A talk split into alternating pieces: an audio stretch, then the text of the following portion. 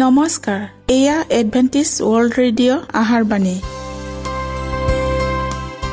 ঊনৈছ মিটাৰ বেণ্ডত পোন্ধৰ হাজাৰ পাঁচশ পঞ্চাছ কিলো হাজত এডভেণ্টিছ ৱৰ্ল্ড ৰেডিঅ' যোগে অসমীয়া ভাষাত প্ৰচাৰিত আহাৰবাণী প্ৰত্যেক বুধবাৰ আৰু দেওবাৰ সন্ধিয়া সাত বজাত আহাৰবাণী শুনাৰ পিছত আপোনালোকৰ কিবা মন্তব্য আৰু প্ৰশ্ন থাকিলে আমালৈ এই ঠিকনাত লিখক। আমাৰ ঠিকনাটি হৈছে Adventist world radio' seven day Adventist মণ্ডলী অসম শাখা লতাকাটা বশিষ্ট গুৱাহাটী সাত আঠ এক শূন্য দুই ন।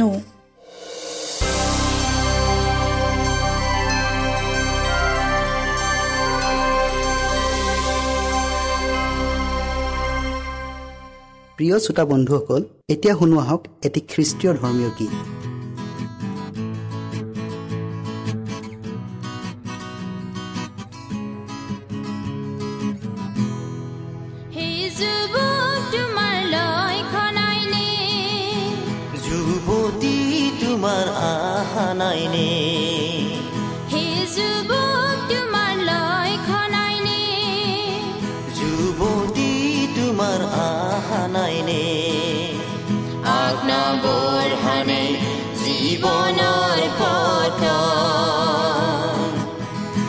আগ্নবৰ্ষণে জীৱনৰ পথ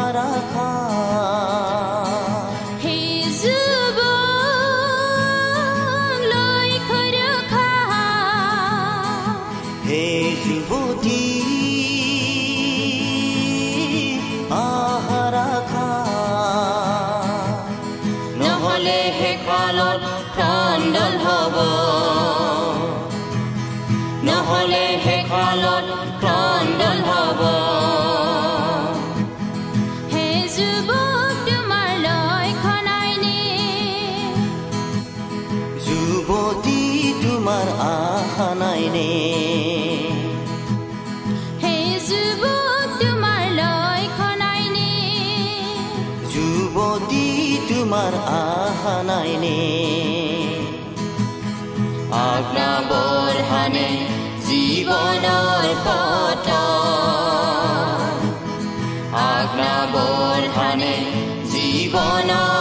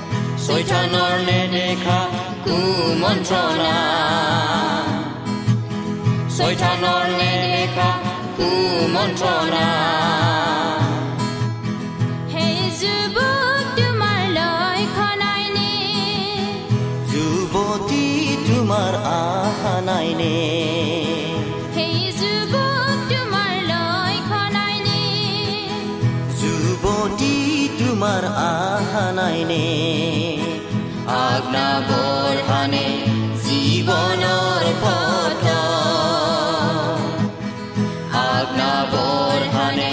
জীৱনৰ পথ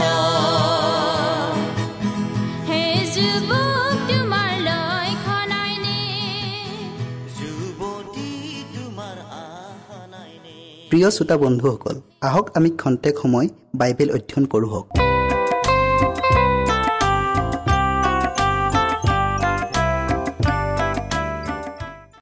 প্ৰিয় শ্ৰোতাসকল আজি আমি যোৱা অনুষ্ঠানৰ ঈশ্বৰৰ বিধান অপৰিৱৰ্তনীয়। এইটোৰ বিষয়ে আকৌ অধ্যয়ন কৰোঁ হওক। প্ৰিয় শ্ৰোতাসকল অধ্যয়ন কৰাৰ আগতে আমি ঈশ্বৰৰ পৰা আশীৰ্বাদ খোজোঁ হওক। স্বৰ্গত থকা অসীম দয়াময় ঈশ্বৰ জিহুৱা ধন্যবাদ প্ৰভু তোমাৰ অনুগ্ৰহ আৰু আশীৰ্বাদৰ বাবে। প্ৰভু তুমি প্ৰত্যেক শ্ৰোতাৰ লগত তোমাৰ পবিত্ৰ আত্মাৰ দি থাকা আৰু তেওঁলোকৰ হৃদয় স্পৰ্শ কৰি দিয়া। যীশুৰ নামত খুজিলোঁ আহমেন প্ৰথম স্বৰ্গদূত জনাৰ দ্বাৰাই মানুহবিলাকক এই আহ্বান কৰা হৈছে ঈশ্বৰক ভয় কৰি আৰু তেওঁৰ গৌৰৱ স্বীকাৰ কৰি তেওঁক স্বৰ্গ আৰু পৃথিৱীৰ সৃষ্টিকৰ্তা হিচাপে প্ৰণিপাত কৰিবলৈ কৈছে। ইয়াকে কৰিবলৈ হ'লে তেওঁবিলাকে তেওঁৰ বিধান বাধ্যতাৰে পালন কৰিবই লাগিব। জ্ঞানী পুৰুষজনে এইদৰে কৈছে ঈশ্বৰলৈ ভয় ৰাখা আৰু তেওঁৰ আজ্ঞাবিলাক পালন কৰা কিয়নো এইয়ে মানুহৰ সকলো কৰ্তব্য কৰ্ম। তেওঁৰ আজ্ঞাবোৰক অৰ্থাৎ বিধানক যদি বাধ্যতাৰে পালন কৰা নহয় তেন্তে তেওঁলৈ আগবঢ়োৱা কোনো উপাসনাই ঈশ্বৰক সন্তুষ্ট কৰিব নোৱাৰে। আমি যেন ঈশ্বৰৰ আজ্ঞাবোৰ পালন কৰোঁ ঈশ্বৰে দিয়া প্ৰেমৰ অভিপ্ৰায় এয়ে। যি মানুহে ব্যৱস্থালৈ আওকাণ কৰে তাৰ প্ৰাৰ্থনাও ঘীনলগীয়া।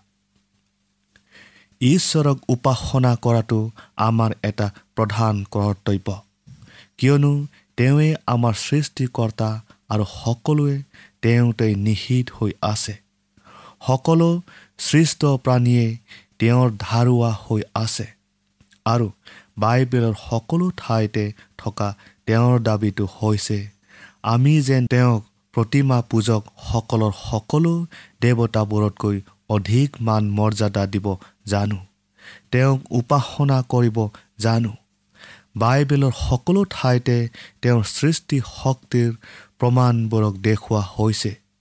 কিয়নো জাতিবিলাকৰ আটাইত দেৱতা চাহ মাথোন। কিন্তু যি হোৱাই আকাশ মণ্ডল সৃষ্টি কৰিলে। পবিত্ৰ জীশুৱাই কৈছে তেন্তে তোমালোকে মোক কাৰে সৈতে উপমা দিলে মই তাৰ সদৃশ্য হ'ম। তোমাৰ চকু ওপৰলৈ তুলি দৃষ্টি কৰা কোনে সৌবোৰ সৃষ্টি কৰিলে? যিজনাই সংখ্যা অনুসাৰে সেইবোৰৰ বাহিনীবিলাকক উলিয়াই আনে যিজনাই সেইবোৰৰ নাম ধৰি ধৰি মাতে সেইজনাই অধিক সমৰ্থ আৰু বহু পৰাক্ৰমৰ কাৰণে সেইবোৰৰ এতিয়াও অনুপস্থিত নাথাকে। কিয়নো যিজনা ঈশ্বৰ যিজনা পৃথিৱীৰ গঠনকৰ্তা আৰু নিৰ্মাণকৰ্তা যিজনাই তাক স্থাপন কৰিলে যিজনাই অনৰ্থক ৰূপে সৃষ্টি নকৰি বাসস্থানৰ নিমিত্তেহে তাক নিৰ্মাণ কৰিলে। আকাশমণ্ডলৰ সৃষ্টিকৰ্তা সেই জিহুৱাই এই কথা কৈছে ময়ে জিহুৱা আন কোনো নাই। গীত ৰচকে এইদৰে কৈছে জিহুৱা যে ঈশ্বৰ ইয়াক জানা। তেওঁহে আমাক নিৰ্মাণ কৰিলে। আমি তেওঁৰে আমি তেওঁৰে প্ৰজা আৰু তেওঁৰ চৰণীয়া পথাৰৰ মেৰ। আহা আমি আঁঠু পাৰি প্ৰণিপাত কৰোঁ হওক। আমাৰ সৃষ্টিকৰ্তা যি হোৱাৰ আগত আঁঠু পাৰোঁ হওক। আৰু সেই পবিত্ৰবিলাকৰ যিবিলাকে স্বৰ্গত ঈশ্বৰক উপাসনা কৰে তেওঁবিলাকে তেওঁলৈ কিয় ইমান ভক্তি মান সন্মান আগবঢ়ায়। তাৰ কাৰণটোক সেইদৰে বৰ্ণনা কৰিছে। সেই আমাৰ প্ৰভু ঈশ্বৰ তুমিয়েই প্ৰশংসা সমাদৰ আৰু পৰাক্ৰম পোৱা যোগ্য। কিয়নো তুমিয়ে সকলোকে সজিলা। তোমাৰ ইচ্ছাৰ কাৰণে সেই সকলো হ'ল সকলো সৃষ্ট হ'ল। প্ৰকাশিত বাক্য চাৰি অধ্যায়ৰ এঘাৰ পদত। প্ৰিয় শ্ৰোতাসকল প্ৰকাশিত বাক্যৰ চৈধ্য অধ্যায়ত সৃষ্টিকৰ্তাজনাক উপাসনা অৰ্থাৎ প্ৰণিপাত কৰিবলৈ সকলো মানুহলৈ আহ্বান কৰা হৈছে। আৰু ভাৱবাণীত এনে এক শ্ৰেণীৰ মানুহৰ বিষয়ে বৰ্ণনা দাঙি ধৰা হৈছে যিসকলে তিনি কলপীয়া সুবাৰ্তা শুনাৰ ফলস্বৰূপে ঈশ্বৰৰ আটাই দ আজ্ঞাক পালন কৰে। এই দ আজ্ঞাৰ এটা আজ্ঞাই পোনে পোনে সৃষ্টিকৰ্তাজনক দেখুৱায়। দ আজ্ঞাৰ চতুৰ্থ আজ্ঞাটোৱে এইদৰে ঘোষণা কৰিছে সপ্তম দিন তোমাৰ ঈশ্বৰ জীহুৱাৰ উদ্দেশ্যে বিশ্ৰাম দিন। কিয়নো জীহুৱাই আকা মণ্ডল পৃথিৱী সমুদ্ৰ আৰু সেইবোৰত থকা সকলোকে ছদিনে নিৰ্মাণ কৰি সপ্তম দিনা বিশ্ৰাম কৰিলে। এই হেতুকে জীহুৱাই বিশ্ৰাম দিনক আশীৰ্বাদ কৰি পবিত্ৰ কৰিলে। যাত্ৰা পুস্তক বিছ অধ্যায়ৰ দহ আৰু এঘাৰ পদত। বিশ্ৰাম দিনৰ সংক্ৰান্তত ঈশ্বৰ জীহুৱাই ইয়াক এটা স্মৃতি চিহ্ন বুলিও অভিহিত কৰিছে। আৰু তোমালোকে মোৰ বিশ্ৰাম দিনবোৰ পালন কৰা। তাতে মই যে তোমালোকৰ ঈশ্বৰ জিহুৱা তাক জানিবৰ নিমিত্তে মোৰ আৰু তোমালোকৰ মাজত এইবোৰেই এটি চিন হ'ব জিহিচকেল বিছ অধ্যায়ৰ বিছ পদত। আৰু ইয়াৰ কাৰণটোকো বাইবেলত নিদিয়াকৈ থকা নাই কিয়নো জিহুৱাই ছদিনে আকাশ মণ্ডল আৰু পৃথিৱী নিৰ্মাণ কৰি সপ্তম দিনা বিশ্ৰাম কৰি তৃপ্ত হৈছিল। বিশ্ৰাম দিনৰ গুৰুত্ব হৈছে ই হৈছে সৃষ্টিৰ এক স্মৃতি চিহ্ন আমি যে ধূলি মাতোন আছিলোঁ আৰু ঈশ্বৰে যে আমাৰ সৃষ্টিকৰ্তা তাক এই বিশ্ৰাম দিনটোৱে সোঁৱৰাই দিয়ে। আৰু আমিনো ঈশ্বৰক কিয় উপাসনা কৰিব লাগে তাৰ উপযুক্ত কাৰণটোৰ বিষয়ে ই ব্যাখ্যা দিয়ে। কিয়নো তেওঁ হ'ল সৃষ্টিকৰ্তা আৰু আমি হ'লোঁ তেওঁৰ সৃষ্ট বস্তু। গতিকে ঐশ্বৰিকজনাক প্ৰকৃতভাৱে সেৱা পূজা অৰ্থাৎ উপাসনা কৰা বিষয়টো বিশ্ৰাম দিনটোতে নিহিত হৈছে। কিয়নো বিশ্ৰাম দিনটোৱে এই মহান সত্যতাটোৰ বিষয়ে মনত গভীৰ হা বহি যোৱাকৈ মনত লগাকৈ শিকায় আৰু আন কোনো অনুষ্ঠানে এনেদৰে নিশিকায়। ঐশ্বৰিকজনাক উপাসনা কৰা প্ৰকৃত ভিত্তিমূলতো একমাত্ৰ সপ্তম দিনটোকে নেদেখুৱায় কিন্তু সপ্তম দিনটোত অৰ্থাৎ বিশ্ৰাম দিনটোত কৰা সকলো উপাসনাই সৃষ্টিকৰ্তা আৰু তেওঁৰ সৃষ্ট প্ৰাণীৰ মাজত থকা পাৰ্থক্যবোৰকো দেখুৱায়। এই মহান সত্যতাটো কেতিয়াও অপ্ৰচলিত বিষয় হ'ব নোৱাৰে আৰু ইয়াক কেতিয়াও পাহৰাও নাযাব। ঈশ্বৰে এডেনবাৰীত বিশ্ৰাম দিন পালনৰ বিধি স্থাপন কৰাৰ আগতে মানুহৰ মনে এই নিৰ্ঘাত সত্যতাটোক পালন কৰিবলগীয়া আছিল। আৰু তেওঁ আমাৰ সৃষ্টিকৰ্তা হোৱাৰ কাৰণটোৰ বাবে আমি যিমান দিনলৈ তেওঁক সেৱা উপাসনা কৰি থাকিম সিমান দিনলৈ বিশ্ৰাম দিনটো ইয়াৰ চিন আৰু স্মৃতি চিহ্ন হৈ থাকিব। সমগ্ৰ বিশ্বই যদি বিশ্ৰাম দিনটোক পালন কৰিলেহেঁতেন মানুহৰ বিচাৰধাৰা আৰু প্ৰেম ভক্তিবোৰ গদ গদ হৈ সৃষ্টিকৰ্তাজনাৰ ওচৰলৈ চাপি গ'লহেঁতেন। আৰু তেওঁকেই সকলো মান মৰ্যাদা আৰু ভক্তিৰ অধিকাৰী বুলি উপাসনা কৰিলেহেঁতেন।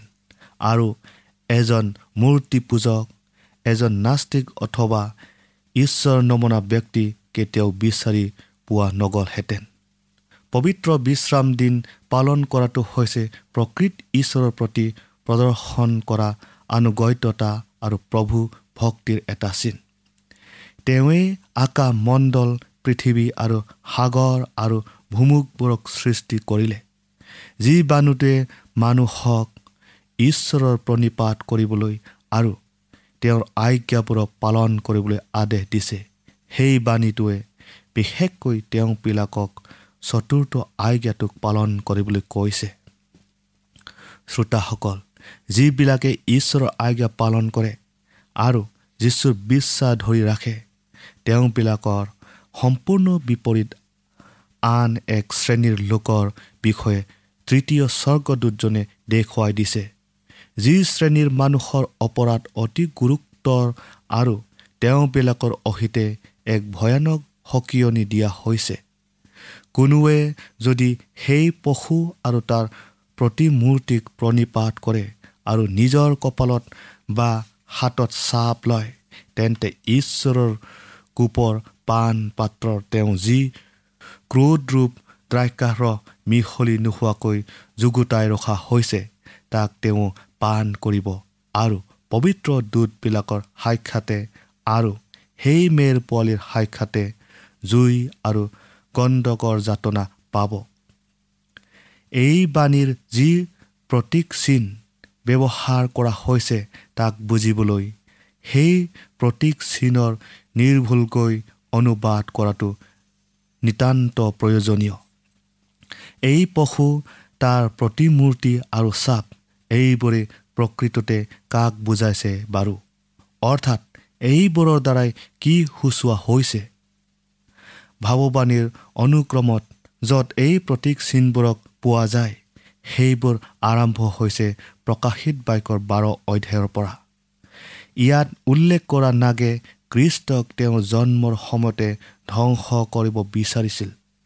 এই নাগক ছয়তান বুলি অভিহিত কৰা হৈছে। প্ৰকাশিত বাক্য বাৰ অধ্যায়ৰ নৌপদত ত্ৰাণকৰ্তাজনক হত্যা কৰিবলৈ হিৰোদক প্ৰৰোচিত কৰাজন সিয়েই আছিল। কিন্তু খ্ৰীষ্টান যুগত প্ৰথম শতিকাৰ কালচোৱাত কৃষ্ট আৰু তেওঁৰ লোকসকলৰ ওপৰত আক্ৰমণ কৰা ছয়তানৰ মুখ্য অনুচৰসকল ৰোমান সাম্ৰাজ্যৰ আছিল। যি সময়ত নেকি ৰোমত পৌতলিকতাই প্ৰচলিত প্ৰধান ধৰ্ম আছিল। এইদৰে নাগে যেতিয়া মুখ্যভাৱে ছয়তানকে বুজায় সেইদৰে গৌণভাৱে এই প্ৰতীক চিনটোৱে পৌতলিক ৰোমক বুজায়। প্ৰকাশিত বাক্যৰ তেৰ অধ্যায়ৰ এগৰ পৰা দহ পদলৈ আন এটা পশুৰ বিষয়ে বৰ্ণনা দিয়া হৈছে। এই পশুটো এটা নাশৰ পুতুকি বাঘৰ নিচিনা যি পশুটোক নাঘে নিজৰ শক্তি আৰু নিজৰ সিংহাসন আৰু মহাক্ষমতা দিছিল। প্ৰায়বিলাক প্ৰটেষ্টান বিশ্বাস কৰে যে এই প্ৰতীক চিনে পপীয় ব্যৱস্থাক সূচায়। যি ব্যৱস্থাই এই সময়ত প্ৰাচীন ৰোমান সাম্ৰাজ্য দ্বাৰাই চলোৱা শক্তি আৰু সিংহাসন আৰু মহাক্ষমতাত কৃতকাৰ্যতাৰে অধিষ্ঠিত হৈছিল। সেই নাশৰ পুতুকি বাঘৰ নিচিনা পশুটোৰ বিষয়ে এইদৰে ঘোষণা কৰা হৈছে। তাক বৰ বৰ কথা আৰু ঈশ্বৰ নিন্দাসূচক বাক্য কোৱা মুখ দিয়া হ'ল। তাতে সি নিজ মুখ মেলি ঈশ্বৰৰ বিৰুদ্ধে ঈশ্বৰ নিন্দাসূচক বাক্যেৰে তেওঁৰ নাম আৰু তেওঁৰ বাসস্থান অৰ্থাৎ স্বৰ্গ নিবাসী সকলোকে নিন্দা কৰিবলৈ ধৰিলে। আৰু পবিত্ৰ লোকে সৈতে যুদ্ধ কৰিবলৈ তাক শক্তি দিয়া হ'ল। আৰু সকলো ফৈত লোক ভাষা আৰু জাতিবিলাকৰ ওপৰত তাক ক্ষমতা দিয়া হ'ল। এইটো ভাৱবাণী যিটো দানিয়েল সাত অধ্যায়ৰ বৰ্ণনা কৰা আৰু সিংটোৰ লগত হুবহু একে আৰু নিসন্দেহে পপীয় ব্যৱস্থাক দেখুৱাইছে। দুকুৰি দুমাহ অৰ্থাৎ বিয়াল্লিছ মাহ ধৰি একেৰাহে কাৰ্য কৰিবলৈ তাক ক্ষমতা প্ৰদান কৰা হৈছিল। আৰু ভাৱবাদীগৰাকীয়ে এইদৰে কৈছে পাছে তাৰ মূৰবোৰৰ এটা মৰাকৈ কটা যেন দেখিলোঁ। আৰু আকৌ কৈছে কোনো যদি বন্ধী অৱস্থাৰ নিমিত্তে হয় তেওঁ বন্ধী অৱস্থালৈ যাব।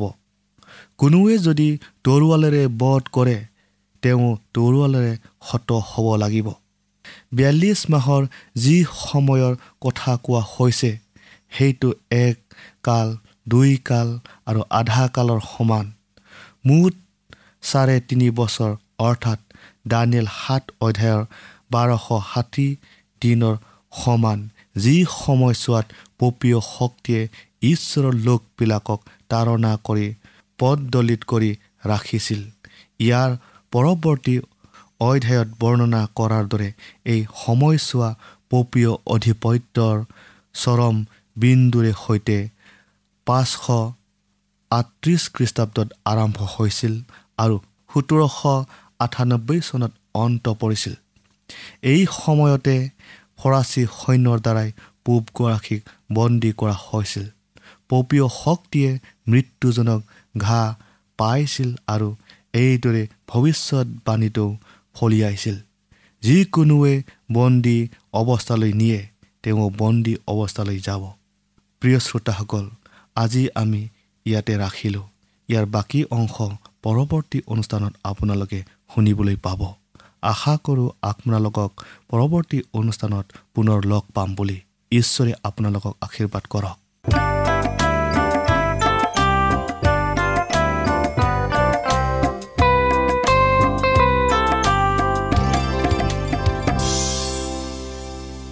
ইমানপৰে আমি বাইবেল অধ্যয়ন কৰিলোঁ। এতিয়া আকৌ শুনো আহক এটি খ্ৰীষ্টীয় ধৰ্মীয় গীত। পবিত্ৰ বাইবেলৰ গীতমালা সাতাইছ অধ্যায়ত আমি পাওঁ জিহুৱা মোৰ দীপ্তি আৰু মোৰ পৰিত্ৰাণ মই কালৈ ভয় কৰিম? সঁচাকৈ জিহুৱা আমাৰ লগত থাকিলে আমি একোলৈ ভয় কৰিব নালাগে। তেওঁ সকলো বিপদৰ পৰা ৰক্ষা কৰোতা ঈশ্বৰ।